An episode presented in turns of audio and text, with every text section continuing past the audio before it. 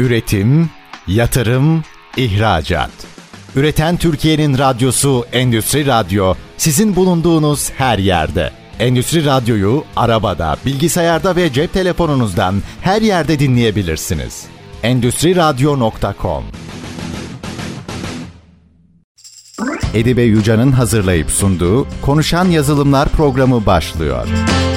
TT Endüstri Radyo'dan ben Edibe Gider Konuşan Yazılımlar programına bu haftada hoş geldiniz diyorum. Bu hafta birçok sektörde, birçok sosyal medya e, mecralarında, bloglarda sürdürülebilirlik üzerine o kadar çok konuşuyoruz ki peki bunun ne kadarını gerçekten hayatımıza entegre edebildik? Birazcık iş dünyasında bunu sorguladığımız bir yayın akışı hazırladık. Konuğum Sayın Münevver Olcaysoy, iş geliştirme ve proje yönetimi danışmanı kendisi. Aynı zamanda makine mühendisi. BDM İş Geliştirme ve Sürdürülebilirlik Ajansı şirketinden bizimle birlikte e, merak ettiğimiz sorulara yanıt bulacak. Yanıt bulmaya çalışacağız. Münevver Hanım hoş geldiniz. Nasılsınız? Umarım çok iyisinizdir. Hoş bulduk. İyiyim. Çok teşekkür ederim. Gayet iyiyim. Sizler de öylesinizdir umuyorum. Çok teşekkürler. Bizler de iyiyiz. Bugün işte yaratıcılığı konuşacağız. Birazcık da sürdürülebilirlik üzerinde duracağız.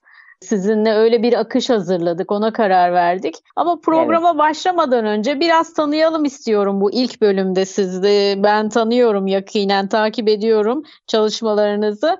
Ama bu ilk bölümde biraz e, kon, e, dinleyicilerimiz sizi tanısın istiyorum. Neler yapıyorsunuz? Ben de merak ettim. Son zamanlarda bayağı oldu görüşmeyeli. Ee, söz sizde buyurun. Evet, e, ben 2011 yılından beri serbest danışmanlık işleri yapıyorum. E, çözüm ortaklarımla e, veya kurumlarla çalışabiliyorum. Bu yolculuk 2004 yılında başladı. Ben makine mühendisiyim. Üretimde çalıştım. Önce KOBİ'de çalıştım. Sonra 7-8 yıl kadar uluslararası bir şirkette çalıştım. Asansör sektöründeydim.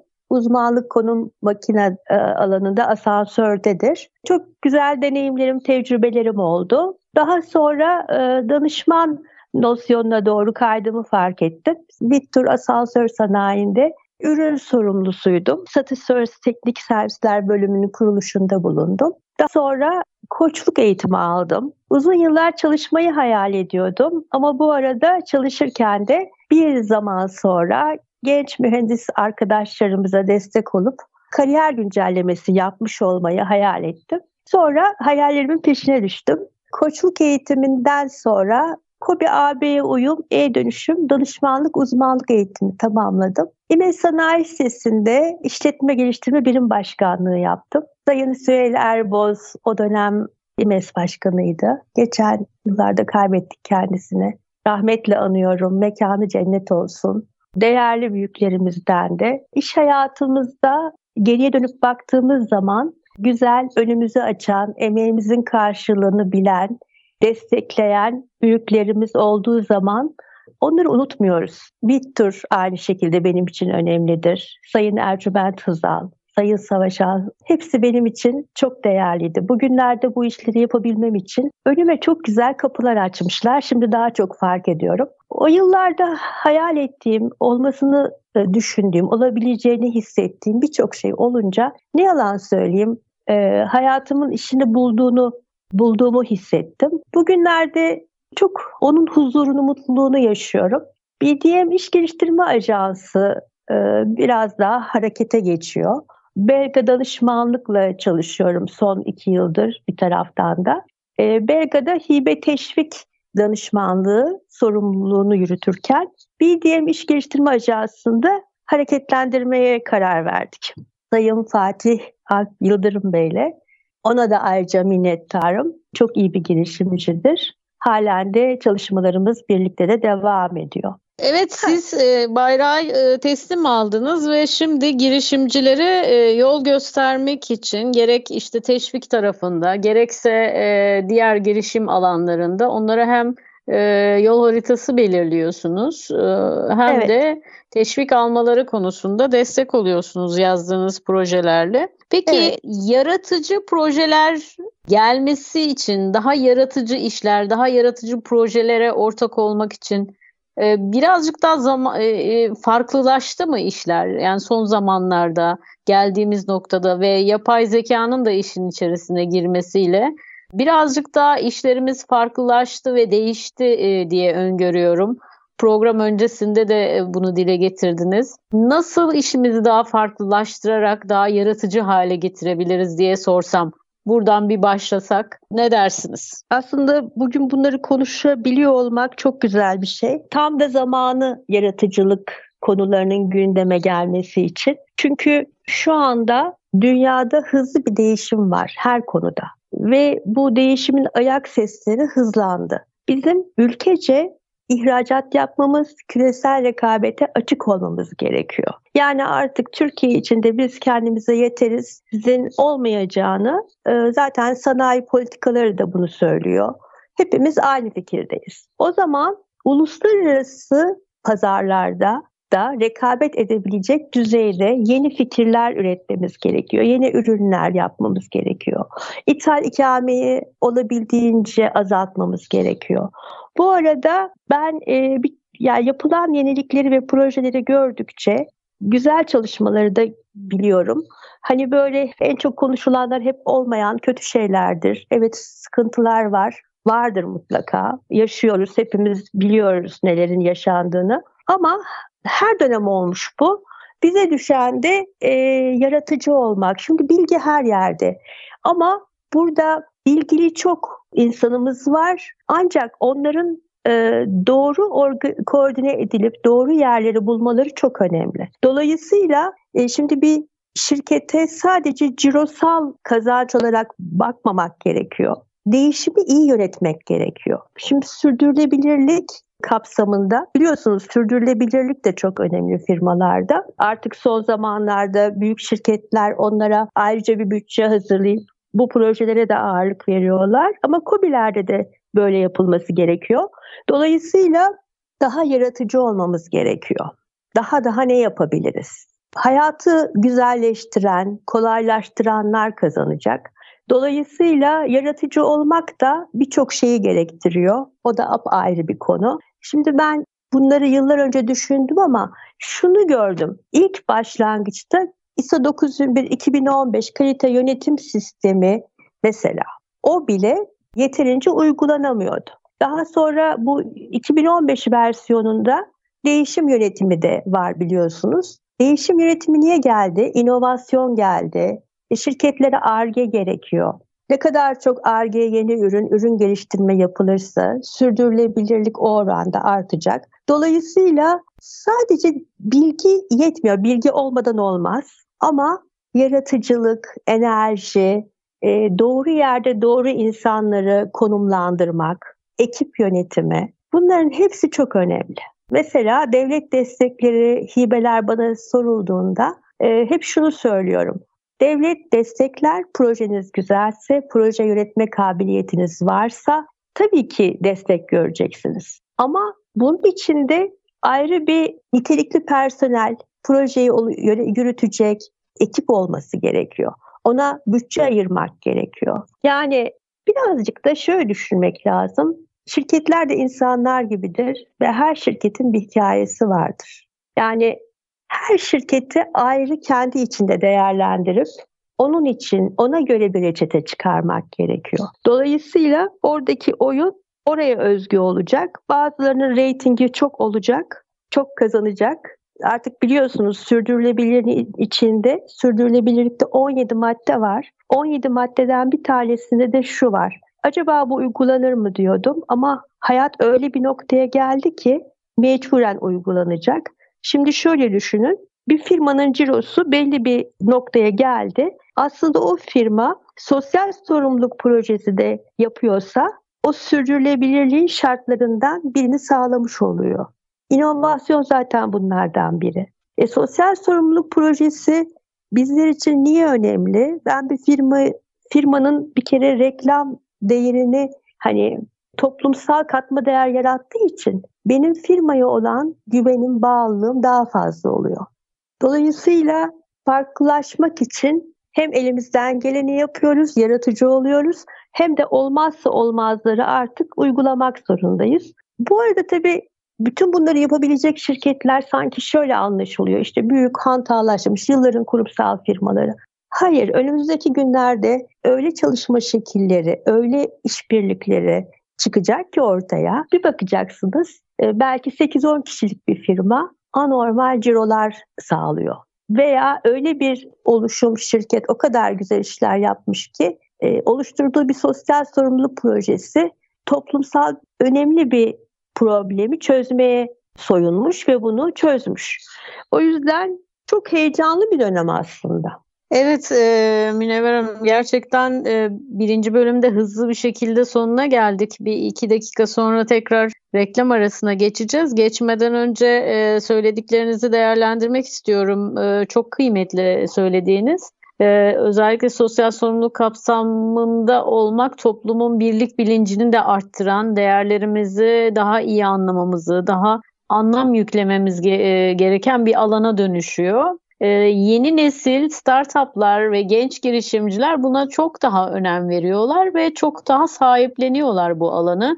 Ee, büyük bir şirket, bir holding olmasalar bile birkaç e, girişim bir araya gelip çok müthiş etkinlikler ve organizasyonlar gerçekleştirebiliyorlar. Bu çok kıymetli gerçekten de. Daha çok sahipleniyor. Hem e, yatırımcıları tarafından sahiplenen oluşum haline geliyor hem de paydaşları tarafından kabul gören bir e, marka haline dönüşebiliyor.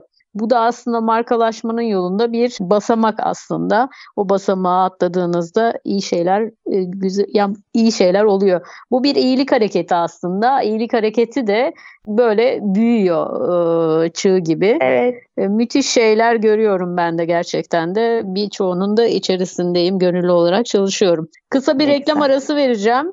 Reklamlardan sonra tekrar işte yaratıcılığı ve yeni teknolojiyle e, hem sanat tarafında hem de iş dünyası tarafında neler değişip dönüşecek, neleri farklı yapacağız onlar üzerine tekrar sohbetimizi devam ettireceğiz. ST Endüstri Radyo'dan Edibe Gider ben. Münevver Olcaysoy ile birlikte işte yaratıcılığı konuşuyoruz. Kendisi iş geliştirme ve proje yönetimi danışmanı. Aynı zamanda makine mühendisi. Kısa bir reklam arasından sonra tekrar aranızdayız. Üretim, yatırım, ihracat. Üreten Türkiye'nin radyosu Endüstri Radyo sizin bulunduğunuz her yerde. Endüstri Radyo'yu arabada, bilgisayarda ve cep telefonunuzdan her yerde dinleyebilirsiniz. Endüstri Radyo.com ST Endüstri Radyo'dan ben Edibe Gider Konuşan Yazılımlar programının ikinci bölümündeyiz. Aramızda Sayın Münevver Olcaysoy var. İş geliştirme ve proje yönetim danışmanı ve çok kıymetli bir dostum. Aynı zamanda makine mühendisi. BDM İş Geliştirme ve Sürdürülebilirlik Ajans sahibi. Bugün işte yaratıcılığı konuşuyoruz. Münevver Hanım birçok startup ve girişimciler için hem teşvik tarafında hem de koçluk tarafında danışmanlık yapıyor. İşte yaratıcılığı biz nasıl kendi hayatımıza da entegre edeceğiz? Tamam gençler ve startuplar bunu çok iyi yapıyorlar. Yaratıcı fikirleri var ya da o yaratıcı fikirlerin birazcık daha siz danışmanlar desteğiyle geliştirilmesi gerekiyor. Yol yordam gösterilmesi gerekiyor. Fakat mevcuttaki kobilerin işlerini daha yaratıcı hale getirmesi, daha kolaylaştırması ve dönüştürmesi için siz ne öneriyorsunuz? Uzun süredir endüstri ve e, sanayi sektörüne geçmişte de destek vermiş biri olarak ne dersiniz? Kobiler çok şey yapabilir ama öncelikle üçüncü göz mevcut durum değerlendirmelerini yapıp doğru bir stratejik iş planı hazırlamaları lazım.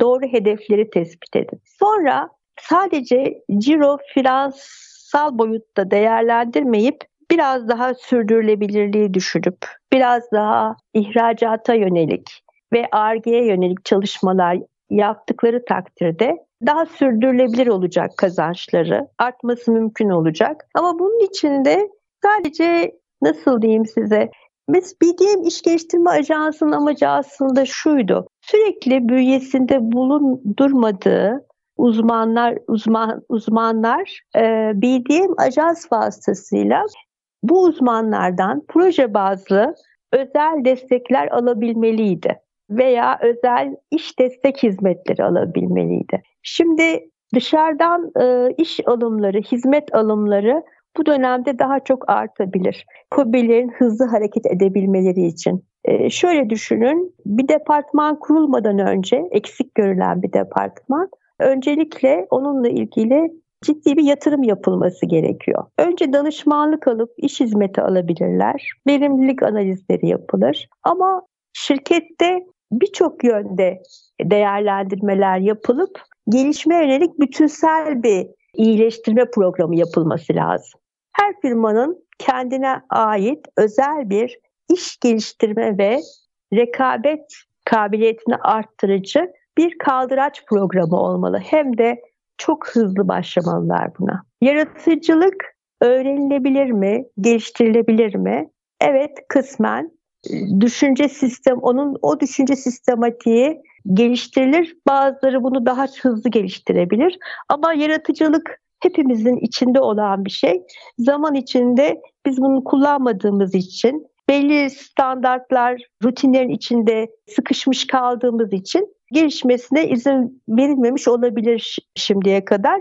Ama hep de böyle yaratıcılıklar farklı sıkışık durumlarda ortaya çıkar. Birazcık motivasyon ve bu konudaki özel çalışmalar ve doğru yerde doğru insanların istihdam edilmesi, iyi ekiplerin kurulmasıyla harikalar yaratılabilir. Şimdi Münevver Hanım bizi dinleyen dinleyicilerimize şu soru e, aklıma geldi. Onlar adına soruyorum size. Şimdi e, çok biz subjektif e, bahsediyoruz. Önerilerde bulunuyoruz. Bunu bir örnekle açıklasak.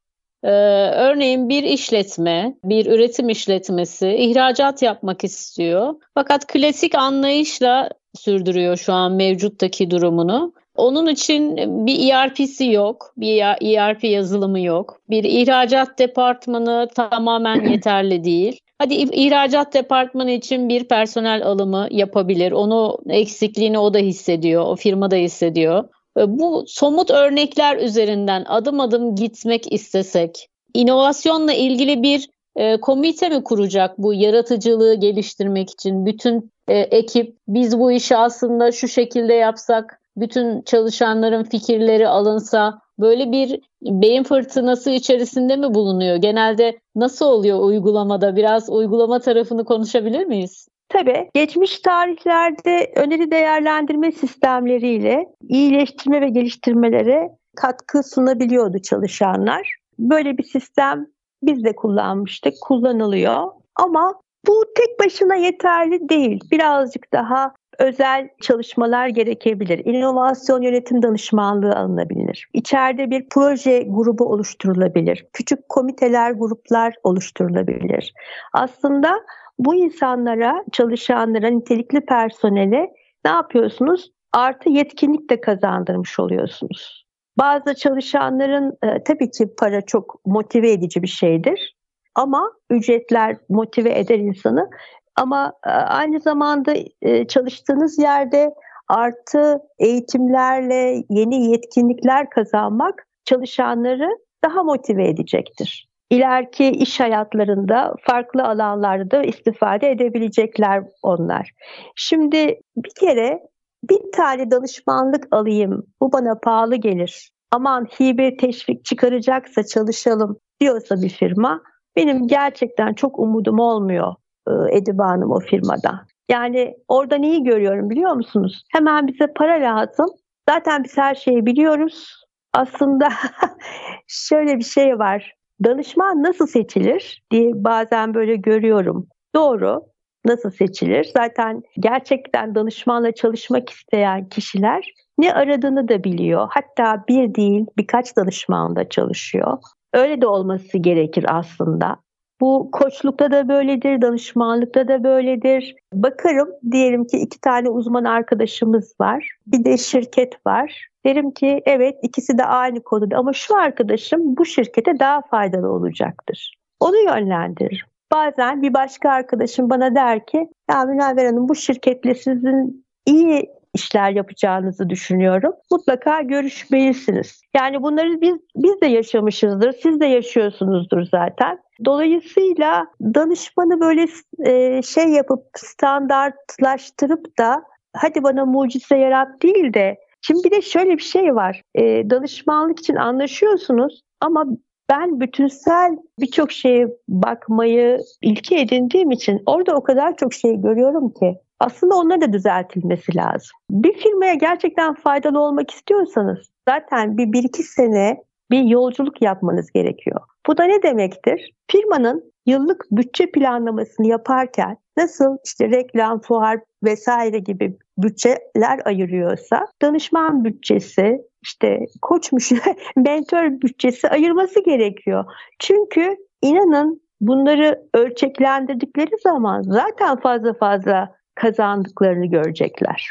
Ama tabii sadece şey değil, aynı zamanda markalaşmak ve dediğim gibi toplumsal katma değeri, rekabet gücü ve bazı firmalarda çalışmış olmak çok büyük artı kazandırır insanlara değil mi? Firmanın marka değeri onu oluşturur zaten. Hani siz orada mı çalıştınız derler. Öyle bir firma olabilmek çok güzel bir şey. Zaten inanın hani böyle personel bulamıyorum diyorlar diyor ya bazı kobilerimiz. Aslında ben öyle bir şey olabildiğine çok inanmıyorum. Yani bu kadar genç nüfus, bu kadar iş arayan insan varken o aslında şu oluyor. Ucuz ve her istediğimi yaptıracak birini bulamıyorum gibi geliyor bana bilmiyorum. Öyle geliyor. Çok açık sözlü konuşuyorum yani. Bayağı bir kahve sohbeti havasında konuşuyoruz ama genellikle böyle. Yani biz çalıştığımız yerlerde katma değer almak, orada işimizi ve kariyerimizi daha da ileriye götürmek, daha çok şey öğrenebileceğimiz ve mutlu olacağımız, yeniliklere açık olan firmalarda çalışmak istiyoruz. Ee, tabii. Çalışanların söylediği bu. Ee, tabii, yani tabii. iş arayan gençler sadece para odaklı değiller. Ee, özellikle Z e, nesli. E, Y nesli de aynı o şekilde e, düşünüyor artık. Yeni nesil kesinlikle e, tamamen para odaklı değil. E, o projenin içerisinde olmak, o platforma ve o markaya hizmet etmek, e, o markanın yaptığı sosyal sorumluluk projelerin içerisinde yer almak, o heyecanı evet. onunla paylaşmak, Bunlar büyük bir e, katma değer yaratıyor aslında. Örneğin bir e, şirket toplantısında bir e, ekip içerisinde yaratıcılığı geliştirecek bir toplantı içerisine de olmak bile onun için heyecan verici olabiliyor. Tabii, e, tabii. Çünkü kendisini bir adım daha ileriye götürecek bir vizyon görüyor o firmada. Fakat normal klasik anlayışla yönetilen bir firma Zaten siz de biliyorsunuz ve farkındasınız. Kesinlikle danışmanla çalışma konusunda çok daha e, ertelemeye gidiyor birçok firma. Çok da haklılar. Ekonomik koşullar için ona bütçe ayırmayı ayıramayacağına inanıyorlar. Oysa ki sizden danışmanlık alsalar siz ona hem teşvik çıkarıyor olacaksınız hem teşviğin yanında danışmanlık yapıp bir analiz yapıp nelere ihtiyacı olduğunu irdeleyebileceksiniz. Yine girişimciler şirket kurmadan önce size danıştıklarında doğru bir yol haritası ile beraber yola başlayacaklar, o yolculuğa başlayacaklar. Girişimin yaratıcılığından projelendirme süreci ve devamını e, bunları e, hem girişimciler hem mevcuttaki şirketler bunun çok farkında değil. Biz bu farkındalığı arttırmak için siz kendi işinizde nasıl yaratıcı oluyorsunuz Münevver Hanım? Şimdi şey soruyu size yönelteyim. Siz neler yapıyorsunuz? evet çok güzel bir soru. Şimdi benim yaratıcılığım şöyle oluyor. Ben e, böyle bir reklam tanıtım bütçesi, dijital sosyal e, medyada tanıtımlar vesaire e, yapmadım şimdiye kadar. Genellikle tavsiyeyle işlerimiz yürüdü. Ama benim yaratıcılığım hep şöyle oldu. Birebir görüşmelerde sorduğum sorular dikkat çekti. o da bir yaratıcılık bence. İletişimde yaratıcılığım vardır. Doğru soruları sorduğumu düşünüyorum. Ve o iş olur ya da olmaz enteresan olmadığını daha sonra benimle alakasız olmayan bir sebepten dolayı çoğu kez öğrenmişimdir. Ve bir sonraki şeylerde, ortamlarda e, ya e, takip edilmişimdir veya olmadığını düşündüğüm kişi tarafından tavsiye edilmişimdir. Artı çok farklı bir şey konuşurken sadece yardım amacıyla konuşurken iş teklifi almak da güzel benim için böyle bir şey oluyor. İş almak için pazarlama yapmıyorum aslında. benim en büyük yaratıcılığım sadece yardım amaçlı veya bir bilgi paylaşımı, sohbet esnasında hadi anlaşılım olunca güzel oluyor. Yani çünkü o an benim aklımda şu işi satsam, şundan şu para alsam tamamen unutmuş oluyorum. Gerçekten sanki bir dostuma bir şey söylüyormuş gibi konuşuyorum. Fikir veriyormuş gibi konuşuyorum. Öyle yaratıcılığım sanırım bu yönde. Bir de biraz da sezgilerim kuvvetli. Bazen iyi bazen kötü. Hani bir firmanın 2 yıl sonra veya 3 yıl sonra nerede olabileceğini görüyorum. Veya kariyer planı yapan iş hayatındaki tanıdığım birinin hangi işte başarılı olabileceğini, hangi alanda daha iyi olabileceğini görüyorum. Aslında nereden anladın diyorlar. Bu bir his değil, belki de his bilmiyorum. Yani bana göre o kadar görünüyor ki ikinci yaratıcılığım da bu. Diğerleri sürpriz. Önümüzdeki günlerde inşallah paylaşırız sizlerle de. Teşekkürler Münevver Hanım bu e, samimi paylaşımınız için. E, peki e, yaratıcı yazılımları siz de kullanıyor musunuz ve öneriyor musunuz? Çünkü bu konuşan yazılımlar programı yeni teknolojileri önerdiğiniz, yeniden bir projelendirme yaptığınız bir projeniz var mı? Oradaki deneyimleriniz neler oldu? Evet, yeni teknolojileri ben çok seviyorum. bir kere mesela yapay zeka Bing'le ufak ufak çalışmalarımız başlıyor. Diğer yapay zekalar üzerinde araştırmalarım var bu ara. Çünkü şimdi hani diyorlar ya yapay zeka geliyor bize iş kalmayacak falan gibi söylemler var. Ee, ben öyle düşünmüyorum. Yapay zeka bizim işlerimizi kolaylaştıracak ve bize bizim daha verimli çalışmamızı sağlayacak. Dolayısıyla e, şimdi gençler de böyle düşünüyor. Ben de böyle düşünüyorum. Daha e, verimli çalışmak, daha çok aileye zaman ayırmak, hayat fark etmek. Yani bu iş yaşam arasındaki dengenin daha iyi sağlanması için kullanmalıyız. Firmalarımızda e, dijital dönüşüme önem vermeliyiz. Verimlilik açısından da. Zaten rekabet şansımız olmaz. Hızda, verimlilikte e, büyük katkı sağlıyor. Münevver Hı. Hanım hemen bir reklam arasına gideceğim. Ee, yazılım projelerine geçmeden önce yarım kalsın istemiyorum. Reklam arasından sonra tekrar kaldığımız yerden devam edelim olur mu? Olur tabii. Evet, ST Endüstri Radyo'dan ben Edibe Gider Konuşan Yazılımlar programının ikinci bölümünü bitirdik. Biraz sonra bir reklam aramız olacak. Reklamlardan sonra görüşmek dileğiyle bizden ayrılmayın. Üretim, yatırım, ihracat. Üreten Türkiye'nin radyosu Endüstri Radyo sizin bulunduğunuz her yerde. Endüstri Radyo'yu arabada, bilgisayarda ve cep telefonunuzdan her yerde dinleyebilirsiniz. Endüstri Radyo.com ST Endüstri Radyo'dan ben Edibe Gider Konuşan Yazılımlar programının 3. bölümündeyiz. Aramızda Münevver Olcaysoy var. İş geliştirme ve proje yönetimi danışmanı kendisi aynı zamanda makine mühendisi.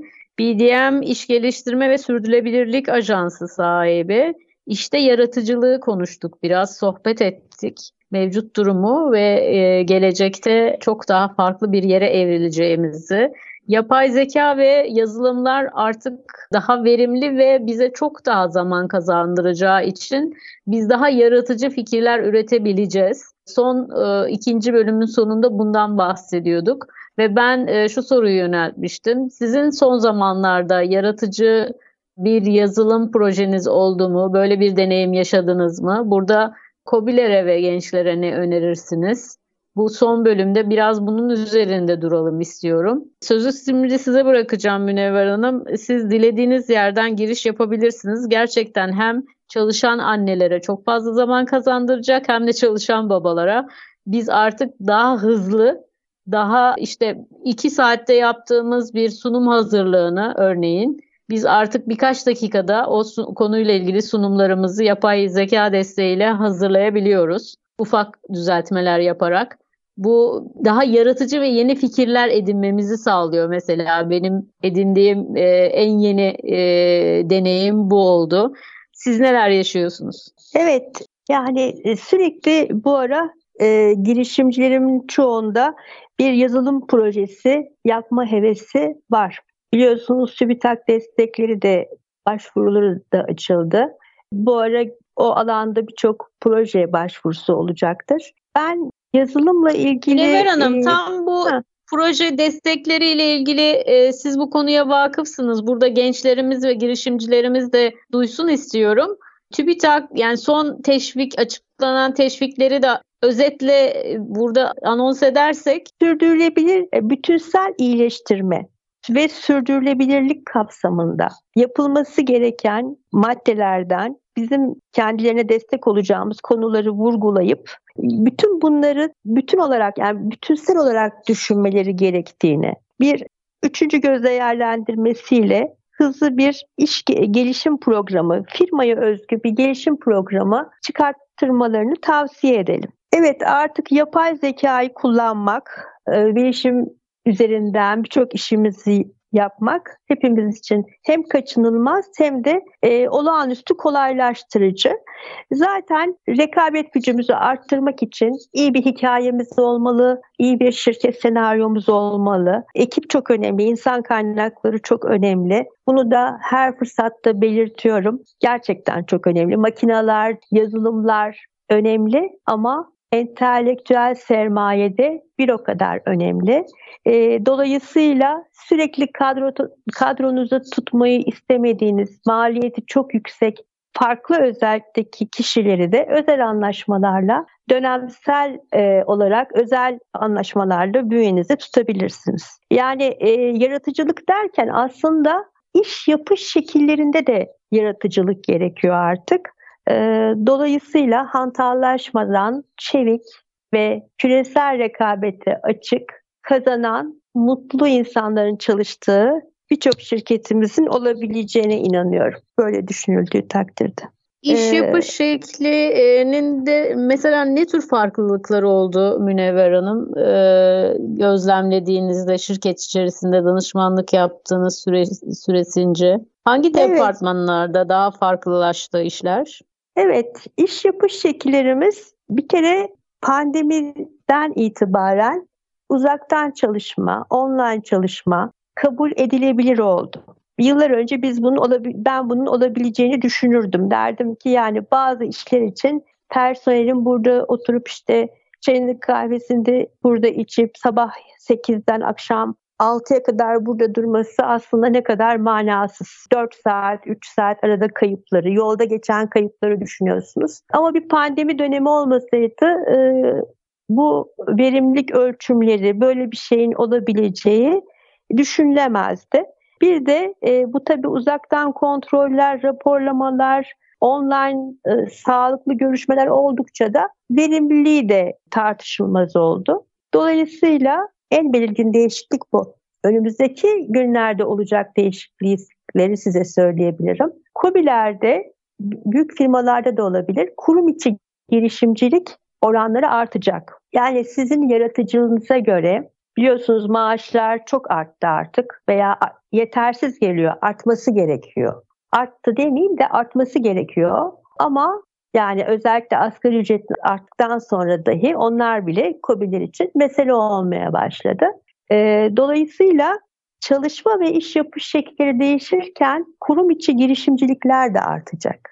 Aslında yaratıcılık, evde de yaratıcılık gerekiyor, işte de yaratıcılık gerekiyor.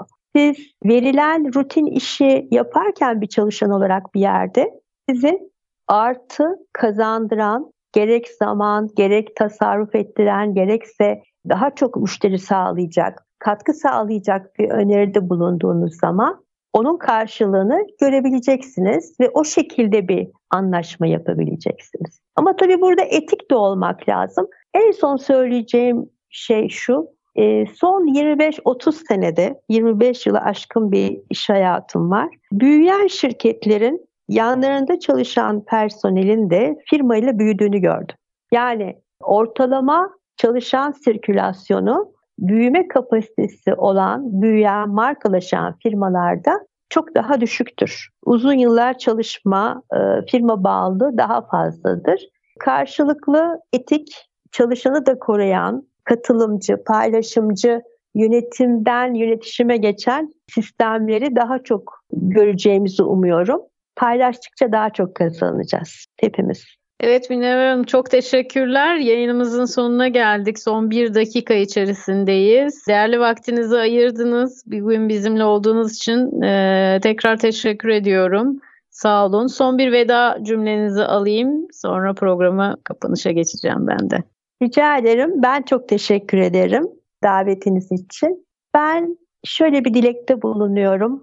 Belki bu dileğime karşılık benim gibi e, ortak müşterikte buluşa, buluşabileceğim firmalarımız olabilecektir. Kendinin en iyi versiyonunu oluşturmak isteyen, en iyi yapmak isteyen firmalarımızdan bazılarıyla da olsa umarım 2024 yılında işbirliği yapabiliriz. Güzel bir e, yolculuk yaparız, gelişim yolculuğu. E, baş, sonra da başarılarını kutlayabiliriz sizlerle hep beraber. Dilekti sadece herkese sağlık, önce sağlık, sonra bol kazanç ve huzur diliyorum, bereket diliyorum. Çok teşekkürler bu güzel dilekleriniz için. Evet, e, 2024 yılı gerçekten de yapay zeka ve teknolojinin devrim yaratacağı bir yıl olacağını öngörüyorum ben.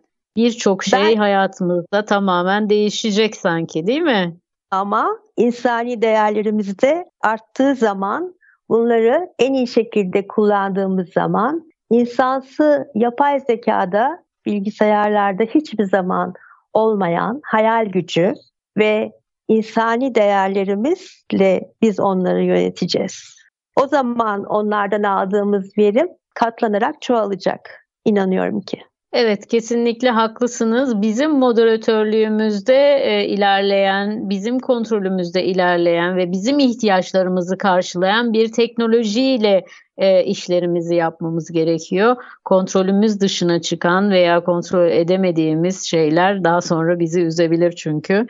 Ee, her şey gönlünüzce olsun. Konuşan Yazılımlar programında işte yaratıcılığı konuştuk bugün. Münevver Olcay Soy iş geliştirme ve proje yönetimi danışmanı. Kendisi aynı zamanda makine mühendisi. Ee, BDM İş Geliştirme e, ve Sürdürülebilirlik Ajansı Başkanı kendisi, kurucusu aynı zamanda. Kendinize çok iyi bakın. Bir sonraki hafta yeni bir konu ve konukla tekrar aranızda olacağız. Konuşan yazılımlar devam edecek. Önümüzdeki hafta görüşmek dileğiyle ben Edibe Gider. Sevgiler.